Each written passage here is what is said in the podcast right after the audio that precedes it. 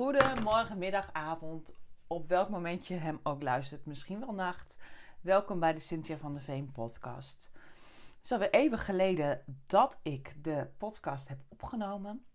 Maar ik plaatste vandaag een post en ik voelde, daar mag ik meer over delen. Want ehm, ja, het is gewoon een mooie ontdekking die ik heb gedaan over mezelf. En ik denk dat het bij heel veel van mijn luisteraars ook hetzelfde is. Dat die daar ook te mee te maken hebben. Dus haal je boodschap eruit, welke voor jou belangrijk is, en luister gewoon mee. Ik heb voor het eerst sinds het opnemen van mijn podcast ehm, ook wat dingen opgeschreven. Ik ben meestal uh, onvoorbereid, doe gewoon mijn verhaal. Maar ik dacht, ik schrijf even wat steekwoorden op, omdat ik ja, wil dat je de boodschap er goed uit kan halen. En dat is ook weer een leerpunt van mij. Um, mijn post in grote lijnen, waar ging die over? Mijn post ging over empathisch vermogen, het empathie hebben, empathie tonen. Um, iets waar ik altijd van dacht dat dat een van mijn grootste superkrachten was. Dat het super positief is om zo empathisch te zijn dat je voor anderen kan zorgen. Maar ik merkte dat het mijn grootste valkuil was. Hoe kan het nou zijn dat iets wat in de volksmond zo positief is, voor heel veel mensen een valkuil is? Dat heeft ermee te maken dat we, doordat we zo empathisch zijn, dat we zo goed voor een ander kunnen zorgen, dat we vergeten om voor onszelf te zorgen en onze eigen grenzen daarin dus voor op te stellen. Ik ga je gewoon even meenemen in de afgelopen jaren. Ehm, waar, ik, voor, waar voor mij duidelijk is geworden dat empathie niet altijd positief is. Zoals je misschien weet, ben ik uh, al, ik volgens mij al 17 jaar werkzaam in de zorg. Uh, daarvoor heb ik nog een andere opleiding gedaan, ook in de zorgrichting uh, als doktersassistente.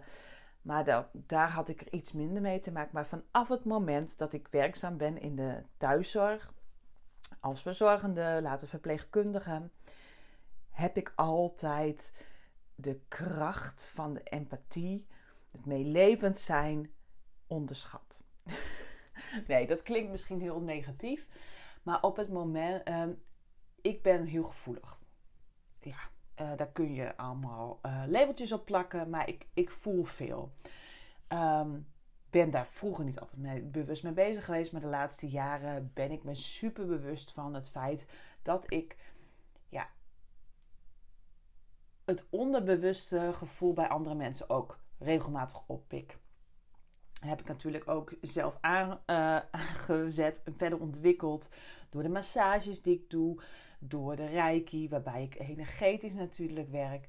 Maar ik ben altijd al gevoelig geweest. En, en als je terugkijkt, was ik dat al als kind. En in mijn tienerjaren ben ik dat wel een beetje verloren, want dan ben je daar wat minder mee bezig, ben je veel meer naar buiten bezig. Maar vanaf het moment dat ik in de zorg werkzaam ben, dus begin jaren 20, van mijn 20 jaren, ben ik me daar weer bewust van geworden.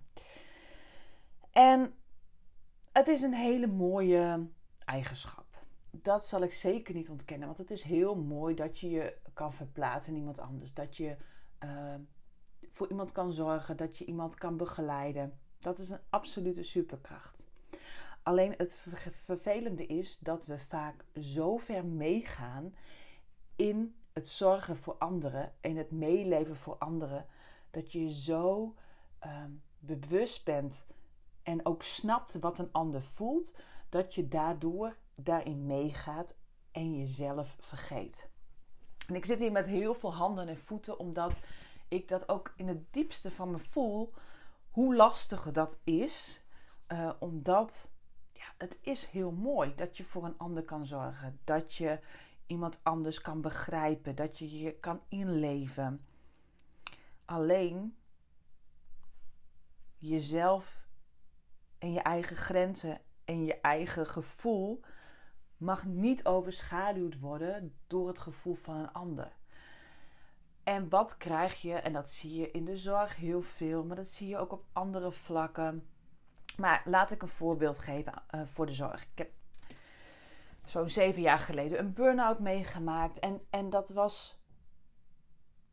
Daar was empathisch vermogen zeker wel debet aan. Dat heeft, die heeft bijgedragen aan het feit dat ik mijn eigen grenzen overging. Want, um, en er is ook externe factoren. En burn-out, ik zeg niet dat het alleen maar werkgerelateerd is, maar op een bepaald moment was dat voor mij wel hetgeen waardoor ik uitviel. Ik zat op een bepaald moment in een functie als uh, wijkverpleegkundige die niet bij mij paste. Niet op dat moment. Misschien had ik dat nu wel kunnen doen. Maar ik voelde me daar niet gelukkig in. Ehm, ik had het jaar daarvoor een heel leuk project gedaan. Waar ik echt wel heel gelukkig van werd. Want dat was veel meer op preventie, voorlichting. Iets waar ik nu ook veel meer mee bezig ben. Het um, mensen bewust maken. Dat was, paste gewoon perfect bij mij. Alleen dat hield op, kwam in een andere functie koos er ook nog eens voor om niet om hulp te vragen. Dus ik ging heel veel dingen zelf oplossen. En als wijkverpleegkundige kom je tussen twee lagen in. Je bent aan de ene kant vanuit manager krijg je een hoop sturing van hey, jouw team moet een bepaalde manier handelen. En vanuit het team krijg je ook weer allemaal van um, de hoge hand vindt van alles, maar dat kunnen wij op die manier niet uitvoeren. En daarom denk ik dat ik op dit moment, als ik in die functie zou staan, al heel anders zou zijn. Want ehm, ik weet nu waar ik voor sta. Ik weet nu wat ik wil, wat ik kan. En ik kan daardoor dus ook beter mijn eigen grenzen en mijn eigen gevoel uitspreken. Maar ook ongemakkelijker zijn met het feit dat ik niet iedereen tevreden kan stellen. En ik zat daarin zo in die um, spagaat voor mezelf dat ik mezelf dus helemaal verloor, omdat ik tussen twee partijen in kwam te staan. Toen ik die burn-out doorging en daarin leerde anders, uh, andere keuzes te maken, koos ik al heel snel om die functie los te laten. Dus kwam ik al in een ander um, kwam ik in een andere segment terecht. Was ik weer uitvoerend en uh, dat paste mij veel beter. Um, maar wat je ziet in de zorg is wat je ook ziet op andere gebieden is heel vaak. Er wordt gevraagd um, en soms wordt er onbewust op je gevoel gespeeld door cliënten of door leidinggevenden, waardoor je je verantwoordelijk voelt voor iemand anders. En dat is heel empathisch, dat is heel mooi. En ehm, je krijgt er zelfs een goed gevoel van, want je zorgt voor iemand anders. En daardoor krijg je zo'n virtueel of een, een onbewust schouderklopje van: hé, hey, je doet het goed, uh, je bent zorgverlener, jij staat daar, jij doet dat toch. Maar aan het einde van de dag ben jij kapot, zit je op de bank. En voel je dat helemaal niet meer. Heb je die externe prikkel misschien nog net waardoor je blijft functioneren. Maar het is niet hetgeen waar je gelukkig van wordt. Omdat je totaal je eigen grens overgaat en iemand anders boven jezelf zet. Dat maakt dat mensen in de zorg geen pauzes meer nemen. Ze kosten wat het kost doorwerken. Ze maar weer een route oplossen voor een collega. En de huidige werkdruk, de huidige tekorten in de zorg maken het niet makkelijker om voor jezelf te kiezen.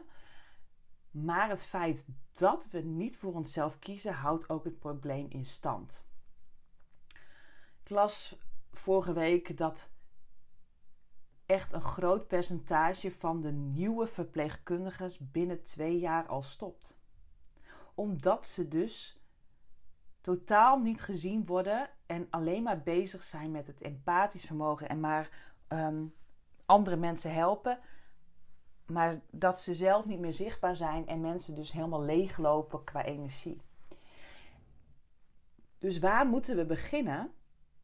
om niet empathie als een van de grootste superkrachten te benoemen, maar juist ehm, zelfzorg en zelfliefde. Dat je dus weer verbinding bent met jezelf en vanuit daaruit gewoon duidelijk je grenzen en kaders aangeeft. En daar moet een organisatie uiteindelijk dus ook maar gewoon. En ik weet dat het niet zo gewoon is, maar daar moeten we wel naartoe. Want anders loopt echt letterlijk de hele zorg leeg en krijgen we alleen nog maar grotere problemen. Is dat nou alleen voor de zorg zo? Nee, dat, dat werkt op allerlei vlakken. Kijk, ik werk nu al anderhalf jaar voor mezelf. En ik werk nog steeds als verpleegkundige. Ook daar heb ik nog steeds mijn grenzen te bewaken. Want dat is niet, betekent niet dat, als, dat ik, uh, nu ik zelfstandige ben, uh, daar niet meer mee te maken krijg. Want ook hier werk ik in verschillende teams en moet ik mijn eigen grenzen bewaken. En dat is niet altijd uh, even leuk. Dat is niet altijd zo dat het ehm, zonder emoties gaat. Naar mijn cliënten, maar ook naar, mijn, naar andere zorgverleners. Ik moet soms gewoon daarin heel scherp zijn qua grenzen. Omdat ik anders daaruit leegloop en ook niet de zorg kan bieden die zij van mij verwachten. Is dat soms hard? Ja, dan moet ik dus heel duidelijk maar uitspreken. En dat heeft heus voor ongemakkelijkheden en ongemakkelijke gevoelens te. Um, nou kom ik even niet op dat woord wat ik nou bedoelde, maar um, dat ongemak is er zeker nog wel. En dat betekent niet dat ik dat zomaar ineens weg is, want ja, dat blijft um, op sommige momenten wel zo'n ongemak, maar daar mag ik mee leren leven. Ik kan namelijk niet iedereen en de hele wereld tevreden stellen. ik heb mijn leven als ondernemer, ik heb mijn leven als zorgverlener, ik heb mijn leven als partner en als moeder. En dat zijn drie verschillende uh, stoelen alleen al waarin ik zit en waarin ik dus mijn eigen grenzen heel duidelijk moet hebben. Dat maakt ook dat ik in vriendschappen, waarin we soms ook heel empathisch kunnen zijn en maar door blijven modderen, soms wel duidelijk aan moeten geven dat het klaar is. Um, ja, ik ga dit gewoon delen. Ik heb uh, een, een, aantal jaren een hele uh, nou, uh, mooie vriendschap gehad. En ik ga je daar ook wat gewoon over vertellen. Want wat je krijgt als je dus structureel empathisch gaat zijn en over je eigen grenzen gaat, is dat er in een vriendschap, in een werkverhouding, een bepaalde gevoel komt van ik doe het goed, ik ben altijd maar zorgzaam voor jou, ik leef mee, ik zet jou wel op nummer 1 en aan de andere kant doet iemand dat niet, die kiest wel voor zichzelf. En je krijgt het goed en kwaad tegen elkaar. Dat je eigenlijk gewoon um, gefrustreerd wordt op elkaar, dat je elkaar niet meer ziet en dat je de ander als een boeman ziet. Van, ehm, terwijl jij als de goede, en ik doe dat met haakjes, ehm, terwijl jij als de goede de ander dus heel erg op een ander voetstuk zet. En nu is het heel vaag. Ik voel zelf ook dat ik daar nog te veel, uh, wat, wat zegt mijn coach, als je praat te veel poep. Um, dan mag ik nog helderder in zijn. Je gaat jezelf um, bijna idealiseren. Jij doet het toch goed en waarom doet die ander steeds fout en waarom uh, respecteert hij mij nou niet in die grenzen en waarom lost die ander het eigenlijk niet voor mij op of ziet ze niet, hij of zij niet, dat ik me er niet lekker bij voel. Nee, omdat je het niet zelf uitspreekt omdat je er elke keer in meegaat en dan achteraf denkt: ja, maar dit is eigenlijk niet waar ik gelukkig van word. Dat kan dus ook in vriendschappen gebeuren. En um, wat je dan gaat krijgen is een visuele cirkel waarin het steeds een groter issue wordt en de ander steeds meer de boeman wordt. En uiteindelijk ga je dat of je hele leven zo doen en kost het je noodloos veel energie om met iemand zo om te gaan. Of je loopt gewoon helemaal weg en je zegt die vriendschap op. Dat kan. dat kan ook uiteindelijk gebeuren als je dat wel gaat uitspreken. Maar soms heb je wel eerst nodig om dat te doorbreken, met elkaar misschien te bespreken. Om dan te zeggen: hey, dit gebeurt elke keer. Ik ben hier niet gelukkig mee. En ik ga nu op dit moment vanuit mijn eigen gevoel en eigen grenzen zeggen: nee, dit wil ik niet meer op deze manier. En ja, dat kan zijn dat het daar dan uiteindelijk een vriendschap ophoudt. En dat is dan oké. En nu ik dat uitspreek, voelt dat heel makkelijk en fijn. Maar het is super bevrijdend om dat uiteindelijk wel te doen. Omdat als je iets kost wat het kost in stand blijft houden. En dat kan dus op allerlei relaties zijn: cliëntrelaties, werkrelaties, privérelaties. Als jij in stand houdt en dus maar empathisch blijft en maar denkt: oh ja, diegene heeft gelijk. En ja, ik snap dat, het ik snap dat ze daar heel vervelend onder is. En dat ze het niet fijn vindt hoe het gaat. En dat ze daar niet helemaal gelukkig mee is. Maar als jij dat ook niet bent, dan is het dus totaal. Als jij dus wel daarin meegaat en jij bent dan ongelukkig, dan is dat natuurlijk ook een super slechte uitkomst. Want dan betekent dat je jezelf dus kosten wat het kost wegcijfert voor een ander. En dat maakt dat je uiteindelijk dus volledig leegloopt qua energie. Dat je misschien je werkplezier of je sociale contacten gewoon niet meer fijn verlopen omdat jij jezelf wegcijfert. Je mag jezelf absoluut op nummer 1 zetten.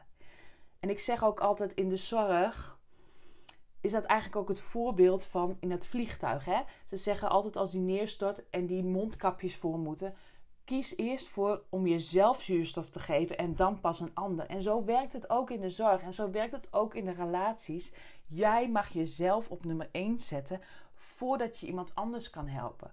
Omdat uiteindelijk het gewoon niet structureel gaat werken als je jezelf wegcijfert hoe goed je je dan even voelt voor het feit dat je iemand helpt.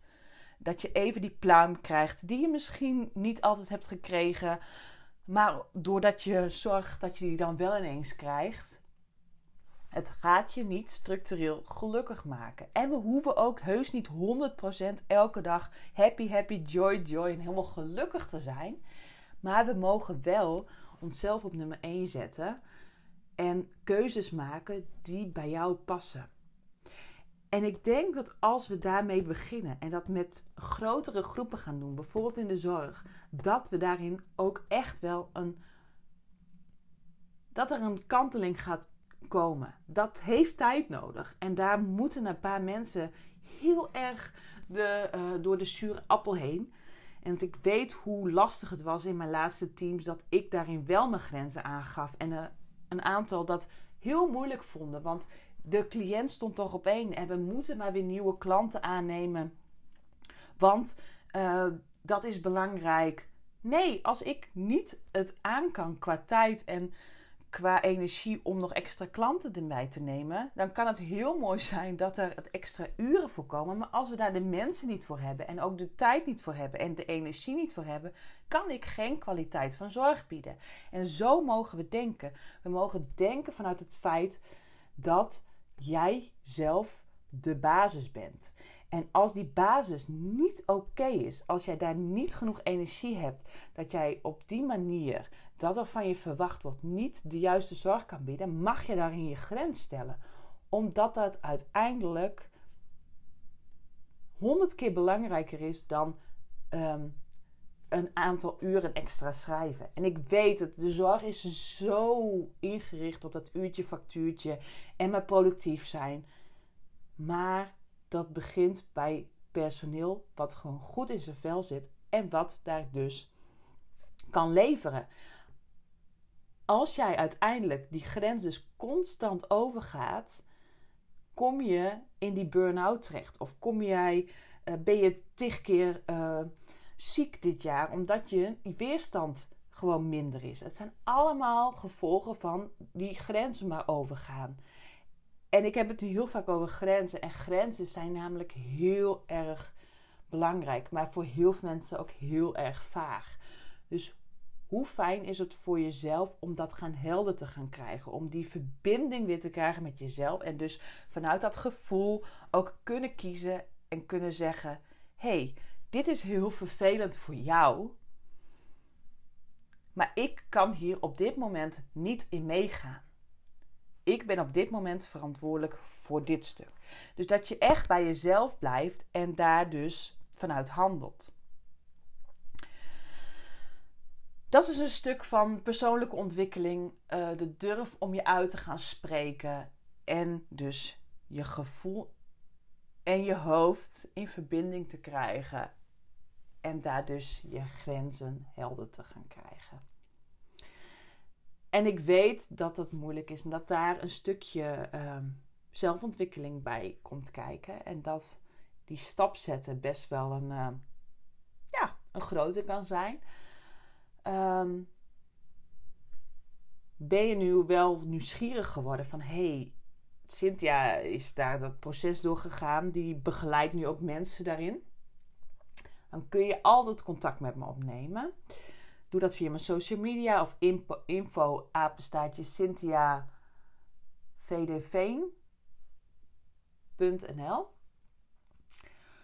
Dan krijg je gewoon, uh, dan gaan we gewoon in gesprek. Want ik zie dat er voor zoveel vrouwen zoveel moois in het verschiet ligt als ze die keuze durven maken. Dat je de keuze maakt om jezelf op nummer 1 te zetten. En dat gaan we heel erg altijd richting het egoïstisch en, dan uh, hè, het egoïstisch tegen het empathisch. Want ja, als je jezelf op nummer 1 zet, dan uh, kun je dus niet genoeg voor een ander zorgen. Juist, als jij jezelf op nummer 1 zet en die grens duidelijk krijgt, dan echt serieus, dan ga je zoveel lekkerder dat werkveld in. Dan ga je zoveel lekkerder je relatie en je uh, sociale contacten in. Want hoe fijn is het om dat gewoon helder te kunnen communiceren? Om dat gevoel dichter bij jezelf te vinden en niet per se die externe uh, empathische prikkel van: oh, zie je hoe goed ik als zorgverlener doe? Ja, je doet supergoed je werk. Ook met jezelf in acht te houden. Ik hoop dat je deze uh, podcast interessant vond. Ik ga de komende tijd hier zeker meer over delen, want ik merk dat, um, dat hier heel veel in zit. In deze kern en het grenzen. Ja, ik ga je stiekem via deze podcast alvast inlichten dat ik begin 2024, dan zit ik in mijn nieuwe praktijk, dan heb ik veel meer ruimte dat ik mijn allereerste live dag ga geven. En daar staat zeker dit stuk ook op het programma. Dus ben je nieuwsgierig, wil je meer informatie? Stuur me vooral een berichtje. Op maandagmiddag heb ik altijd mijn matchcalls. En dan kun je even met me, uh, of informatiecalls, als je dingen nodig hebt, wil weten, kun je mij gewoon bellen. Um, ja, wees welkom. Stel je vragen. Er is geen goed of fout. Laat dat ook los. Fijne dag en uh, ik zie je.